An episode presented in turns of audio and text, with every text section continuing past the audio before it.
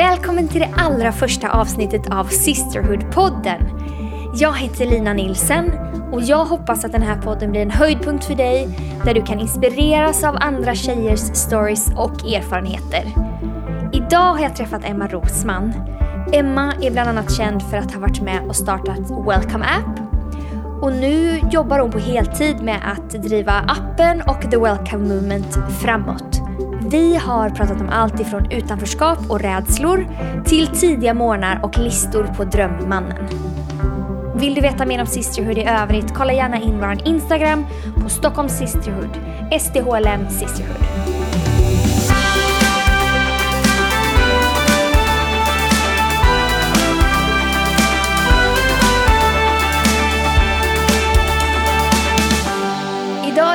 På Jarlsgatan på ett eh, kontorslandskap skulle man väl säga.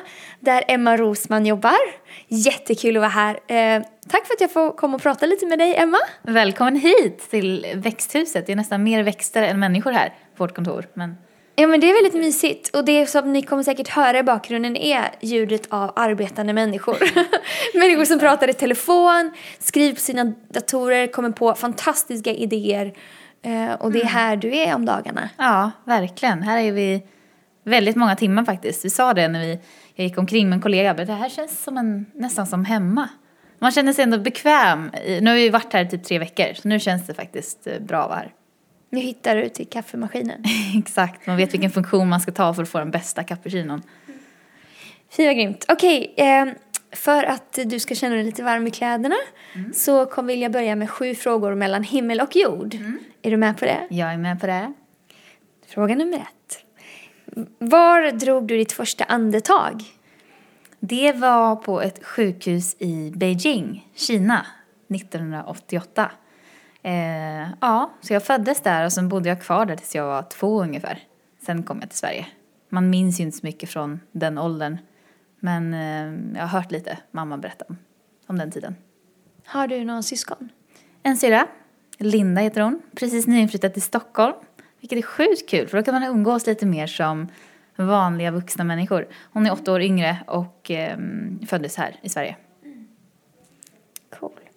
Hur ser din morgonrutin ut? Hmm, alltså den ser väldigt, väldigt olika ut.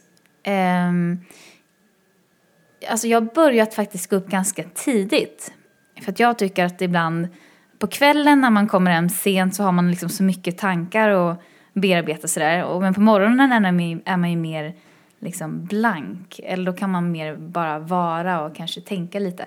Så att jag har börjat med att gå upp ganska tidigt. Eh, typ jag och Hanna Liljero hade, en, eller Hjälmåker, hade en sån här 6 am club några dagar då vi liksom messade varandra att nu går vi upp klockan sex och boostar varandra i det så man kommer upp.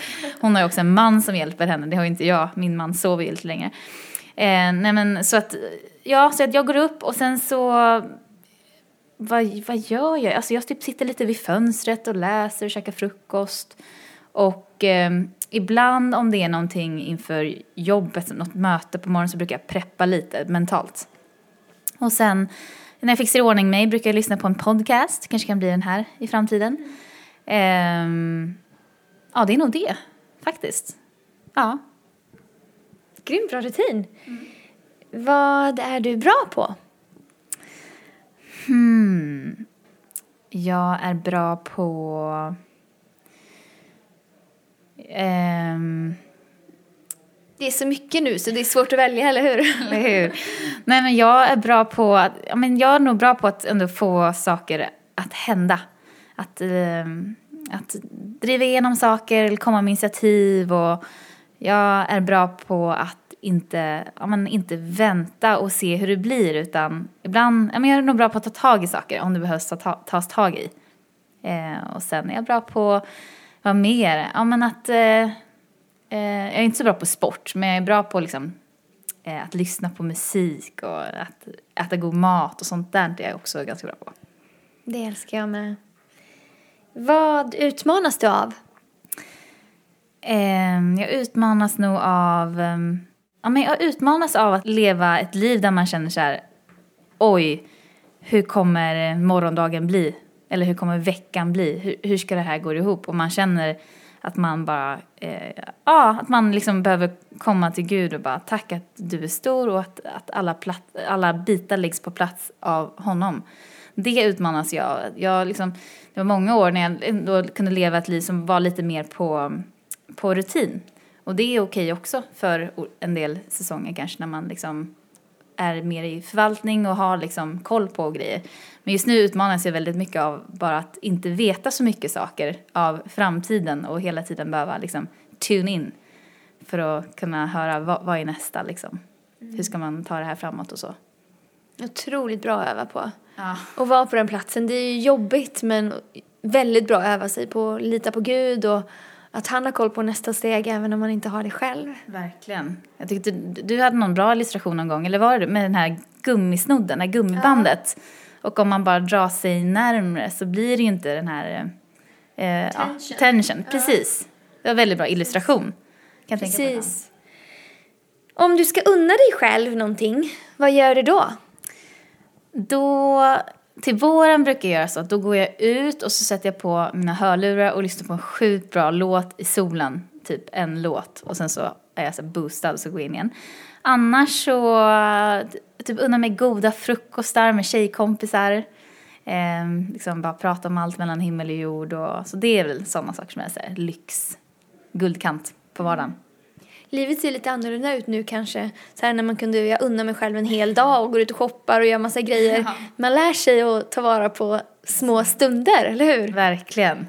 Verkligen. Förut var det ju, ja men shopping var ju en väldigt stor del av mig på gymnasiet. Alltså vi åkte upp till Stockholm, vi kallades det THE, THE, eh, Tove, Hanne, Emma. Vi var ett crew. Och så åkte vi till Stockholm på shopping weekend. Alltså vi kunde shoppa hur mycket som helst. Det är liksom, ja, så då hade man det som eh, något man unnade sig mer. Var bodde du då någonstans? Norrköping. Mm. Så det var ett stort äventyr att komma upp till storstan. Mm. Har du något favoritbibelord och i så fall vilket? Ja, ett favoritbibelord som jag har, som vi också har inristat i våra ringar, som det var populärt att göra för några ja. år sedan.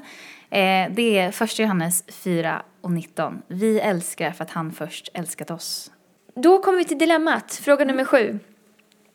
Om du måste välja, väljer du att springa ett maraton varje år eller bara äta godis till frukost i ett helt år? Mm, wow. Mm, jag skulle nog säga springa ett maraton. Varje år? varje år. Det var ju, tog emot att det var just varje år.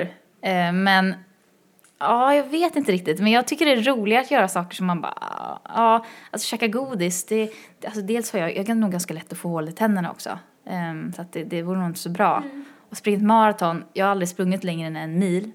Men det känns som att, ja det lockar mer än godiset, ja. faktiskt.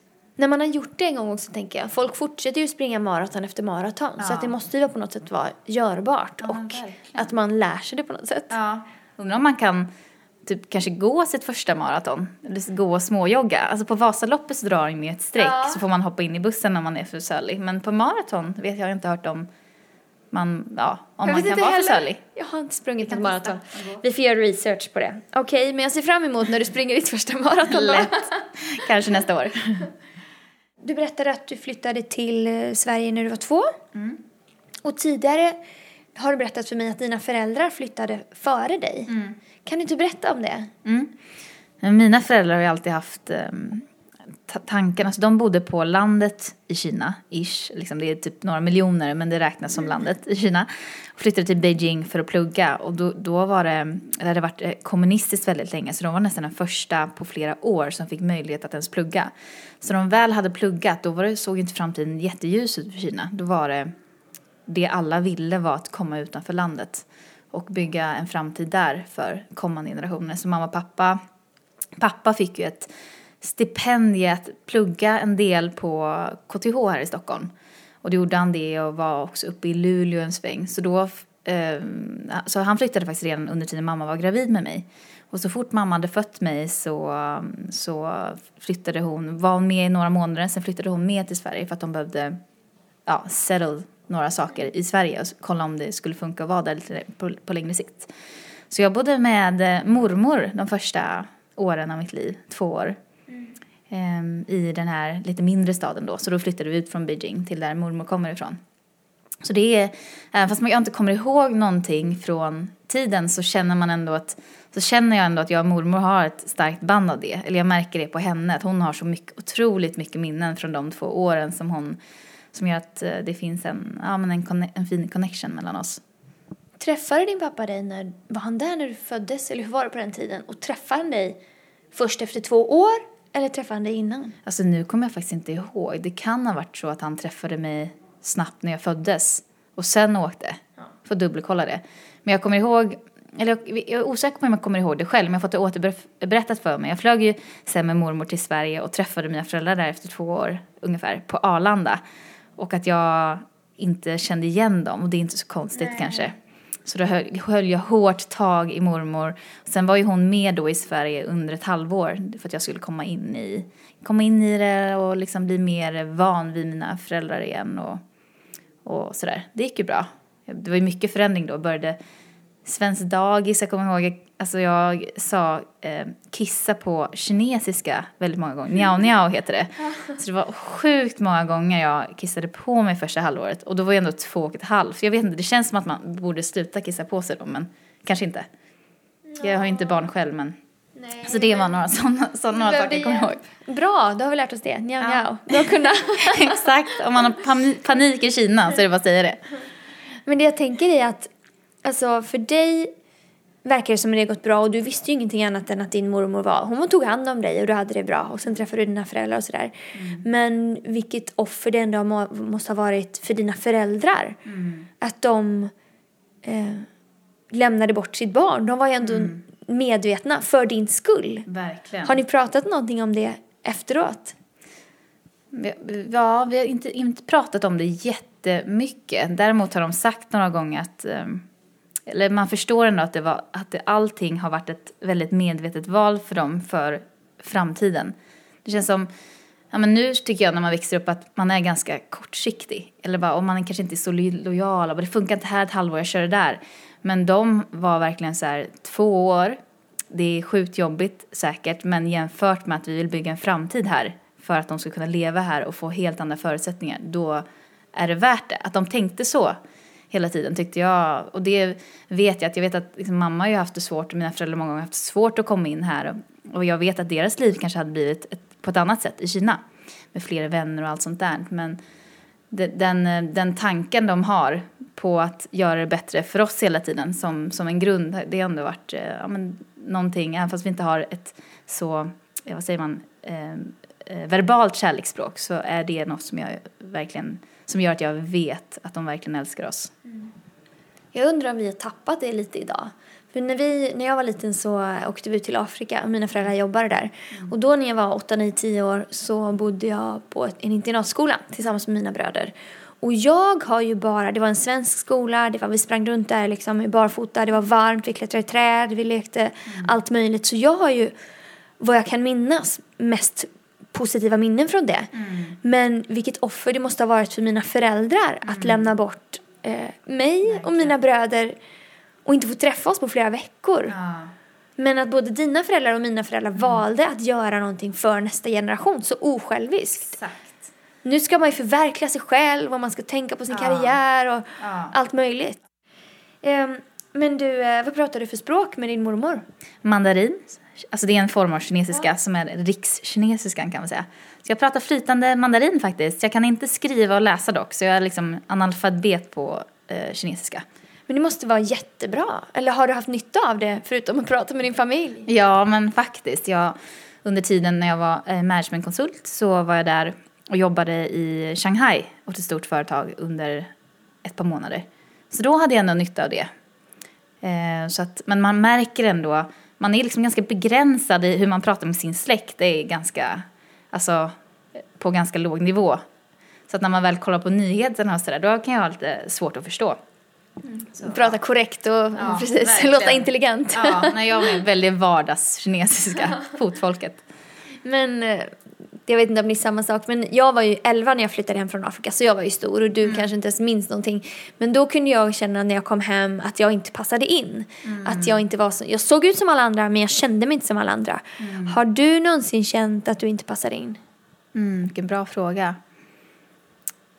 Ja, jo men det har jag gjort. Jag, jag bodde ju i Rinkeby de första åren eh, av mitt liv. Och där, där kände jag aldrig den känslan, för där var väl en summa av alla människor som kanske inte riktigt passar in i, eh, i vissa andra delar av Sverige. Men det var nog när jag flyttade till Norrköping, det är ju mycket mindre stad och så också. Då folk, ja, men det var inte så många utländska i den klassen jag gick till. Så jag fick liksom, ja men blev kinesen och liksom var lite kul att dra skämt om det. Nu tänker jag att det inte störde mig så mycket men jag kommer ändå ihåg att jag då ibland gick hem och du vet, så här, tryckte in näsan lite. Du vet, tänkte så här, hur skulle det se ut om jag hade blåa linser och sånt där. Jag tänkte inte att det var ett resultat av att jag kanske kände mig utanför men nu i efterhand förstår jag att det kanske var det. Och pappa och mamma var väldigt måna om, eller de hade nog mer känt på känslan att de var utanför i vuxen ålder. Då kan man kanske läsa av eller förstå sånt mer. Så de har ju alltid sagt åt mig att kompensera för det. Att om, att om risken att man är utanför då kan man kompensera för att man, att man istället ja, man jobbar hårt och ja, man gjorde massa extra läxor redan i fyran och liksom, ja, att man lägger till på andra delar. Ja, jag vet inte om jag skulle sätta ordet på det då, men nu i efterhand förstod jag att en del av mina beteenden var nog för att jag gjorde det kanske. Var du duktig i skolan? Har du haft lätt för dig? Ja, det har jag faktiskt. Jag har haft lätt för mig i skolan. Jag tyckte det var tyckte det var ganska kul. Mycket det tror jag. Är dina föräldrar, eh, tror de på Jesus? När, eller när lärde du känna honom? När jag lärde känna Jesus? Ja, precis. det var faktiskt eh, på gymnasiet. Vi var eh, via Tobias Rosman, han är ju min nuvarande man. Men då var han en polare, vi gick typ i samma klass. Eh, och han bjöd med sig massa folk och ungdomar till massa häng som kyrkan hade, som ungdomsgruppen hade i kyrkan i Norrköping. Det var alltså 80-talsfester, det var julfester det var liksom, och det var alltså maskerader. Och jag och mitt tjejgäng gick ofta på det, eh, för det var liksom, det var kul. Det var kul att göra något annat än vanliga fester och sådär. Så då följde jag med på ett gäng sådana och sen började jag följa med på vanliga fredags ungdomsmöten. Och det var där en fredag som jag och en till tjejkompis under bönen ja, men fick ett starkt möte med Jesus. Eller då man tänkte, okej, okay, det vi har hört dem prata om, nu får vi erfara det själva. Det, det skulle jag säga är the moment. Eh, men sen har det varit en resa efter det och jag gick, in, gick inte till kyrkan så mycket och sen så gjorde jag det året efter. Så resan sen dess har sett annorlunda ut men jag skulle absolut säga att det var då jag, eh, Jesus har alltid hittat mig men då jag öppnade upp mitt hjärta för honom. Och den här berömde Tobias Rosman då, eh, han som du var polare med, du har berättat att ni hade ett märkligt vad, eller typ överenskommelse. Ja, exakt. Och det var typ redan i ettan eller tvåan på gymnasiet så sa vi så här, ja men, för vi diggade varandra, vi hade kul ihop, men vi tänkte så här, det, det kommer liksom inte bli vi, vi har helt olika klädstil och liksom en del grejer som var viktigt då som man liksom inte riktigt var helt ensam då. Eh, och då, men då sa vi så här, men i alla fall, om vi inte hittar någon när vi är 26-27, för då tyckte vi det var skitgammalt, då kan vi väl gifta oss med varandra. Eh, men som tur var så gjorde vi det av fritt val istället när vi var 24, så det känns skönt att vi inte hann komma till den åldern. Nej, det har varit svårt eh, att komma över att man var den liksom, the last man standing. Ja, verkligen. Så, ja. Hade du någon eh, sån här lista på hur du ville att din drömman skulle vara? Ja, alltså inte på papper, men jag hade ju det liksom. Någon sån här, jag var lite estetisk, så någon som var, gärna spelade gitarr och... Det hade jag med! lite så lockigt hår kanske. Eh, ja, lite estetisk. Och Tobias var ju mer en, en rakhårig sportkille. Han spelade för sig lite gitarr, men mest trummor. Så, men det var som sagt annat som fångade, fångade mig. Det var bra. Får han dig att bli bättre? Absolut. Det var en av de första grejerna jag tänkte med honom, även innan vi var ihop. Liksom. Den här personen få mig att vilja bli en bättre människa på något sätt. Och då, ja men han var ju verkligen, eller är ju en bärare av, av Jesus där han var. Och då, det var nog det som tilltalade, även fast jag inte visste att det var det då. Och sen så, ja men verkligen, just nu så jag, ehm, men jag, jag, vi utmanar varandra på ett bra sätt tror jag. Och försöker dra fram det bästa ur varandra. Ibland drar man kanske fram det som inte är det bästa också. Men eh, vi, ehm, ja, vi båda vill leva ett liv som, är, som lever ett stort liv för Gud och för andra människor. Och det har vi gemensamt. Så därför tror jag att vi är bra för varandra. Jag tänkte på det här med dina föräldrar. Hur deras resa var när de kom till Sverige. Har det påverkat någonting i vad ni gör nu med Welcome App? Jag har inte kopplat det så tydligt dit, men det är klart man har känt så här. Jag har ju sett att um, hur svårt det är om man inte kan språket felfritt att, att komma in i ett land och lära känna människor här. Att få en sense of belonging i ett land. Um, och, så det har jag ju sett, en, det har jag ju hört mamma och pappa berätta om att uh, den, den grejen. Så även om det inte var den utlösande faktorn så är det klart det kan ha gjort att jag är mer medveten eller mer, ja, mer benägen att göra någonting när, när det väl dök upp. Vad är Welcome App? Welcome App eh, finns för att skapa socialt nätverk för folk som är nya i Sverige som, de, som gör att de kan dels känna sig hemma men också dra nytta av för att exempelvis få jobb eller andra saker. 70 av eh, ens jobb kommer via nätverk. Så vi känner om man stänger ute folk från kontakter och stänger man också ute folk från mycket möjligheter. Så vi vill skapa konversationer mellan folk som annars inte kanske skulle prata med varandra. Det är så fantastiskt bra. Jag älskar Welcome App och jag älskar er. Men hur kom det sig att ni började? Du hade ett vanligt jobb, eller hur? Ja.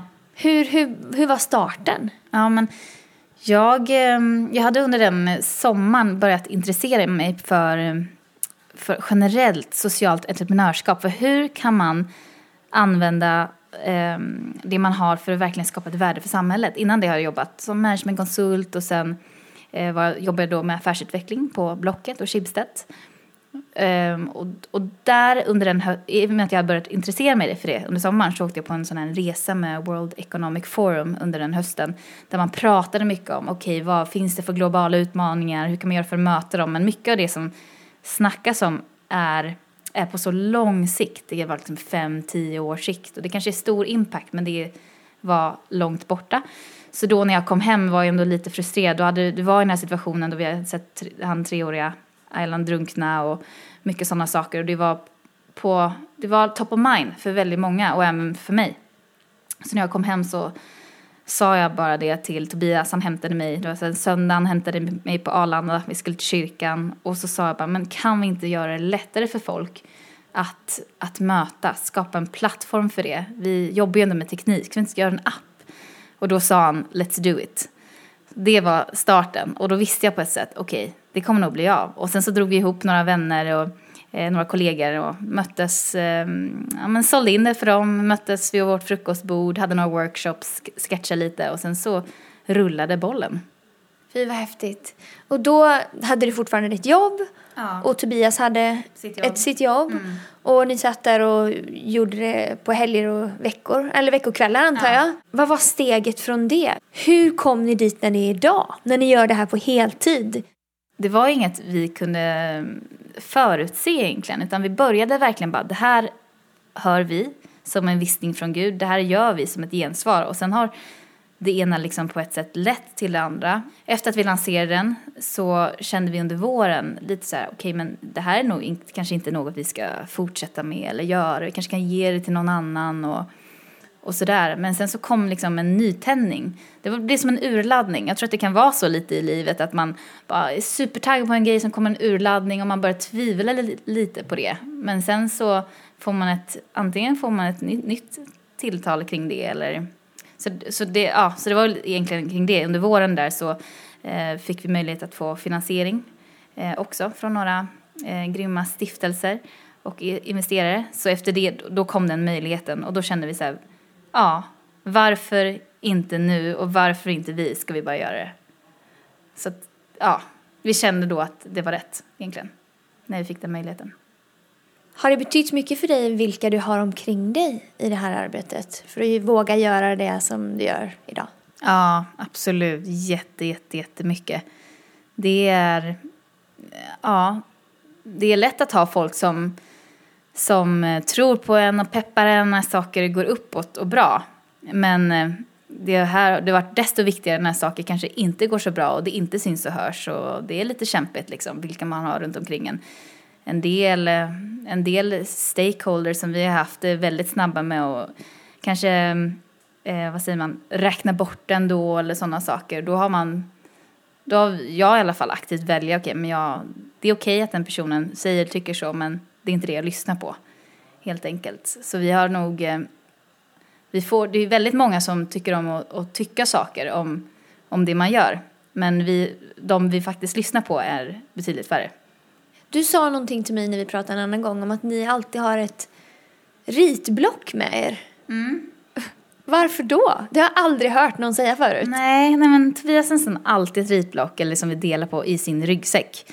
Dels tycker vi nog att det är lättare att illustrera saker genom att måla upp det och, men också för att vi känner ofta, eller ja, ibland så när man ser en möjlighet till att göra någonting bättre eller annorlunda, eh, Eh, då tänker vi ofta så här, men ska vi inte ge ett förslag på det? Eller, ja, det är nog för att vi hela tiden, det är som ett sätt för oss att eh, vilja vara lösningsorienterade och finnas där om det behövs lite mer så.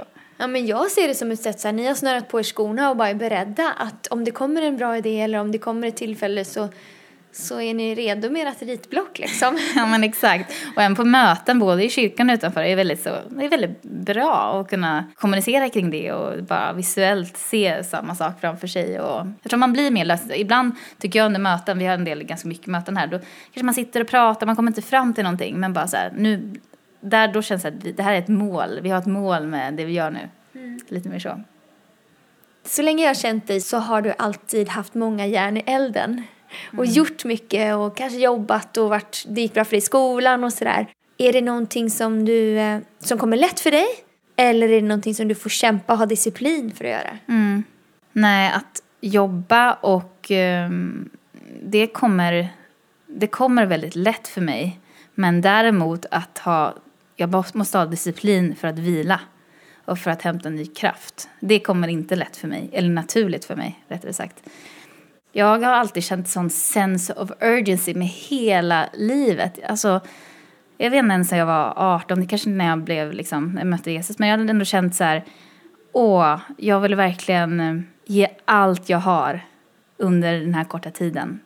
Och och ibland är det liksom något som berikar. Men ibland är det liksom en, jag vet inte, nästan lite en, en, en börda också. Att man kanske inte, att man kanske, alltså jag kan ja, kanske ta mig själv lite för seriöst ibland. Eller du vet så, Tänk att chilla, det hänger ändå trots allt inte på på, på mig och det jag gör är min, mina minuter, och timmar. Jag behöver mer disciplin för, för andra delar eh, än just jobbet.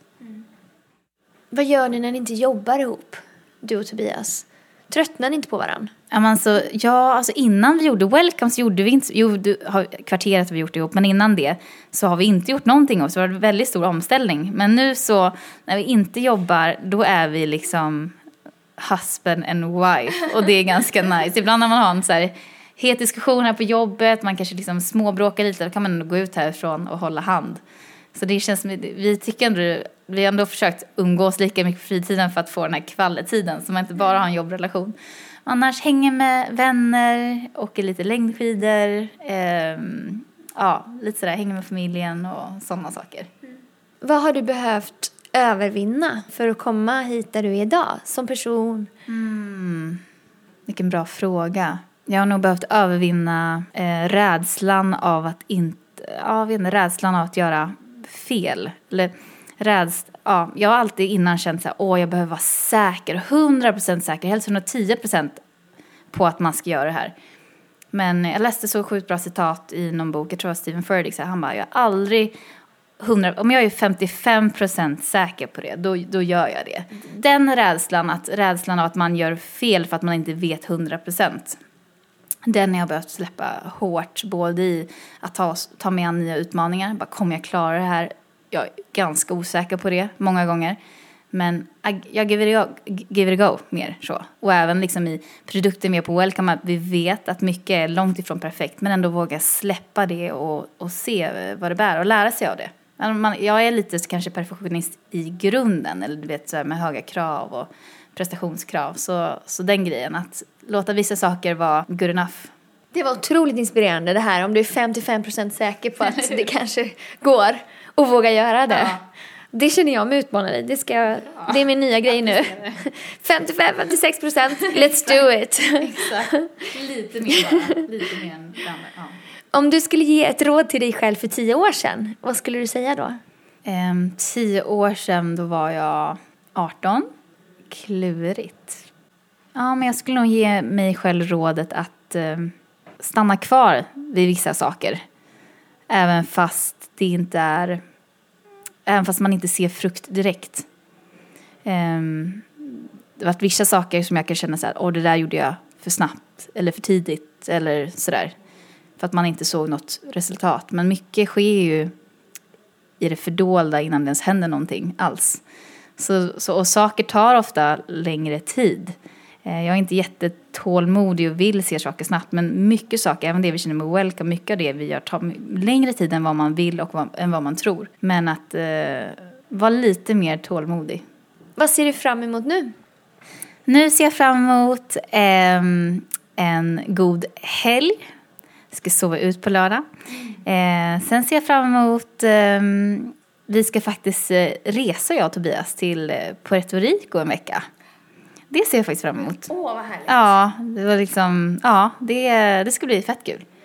Och sen, eh, ja, det ser jag fram emot just nu. en fredag eftermiddag.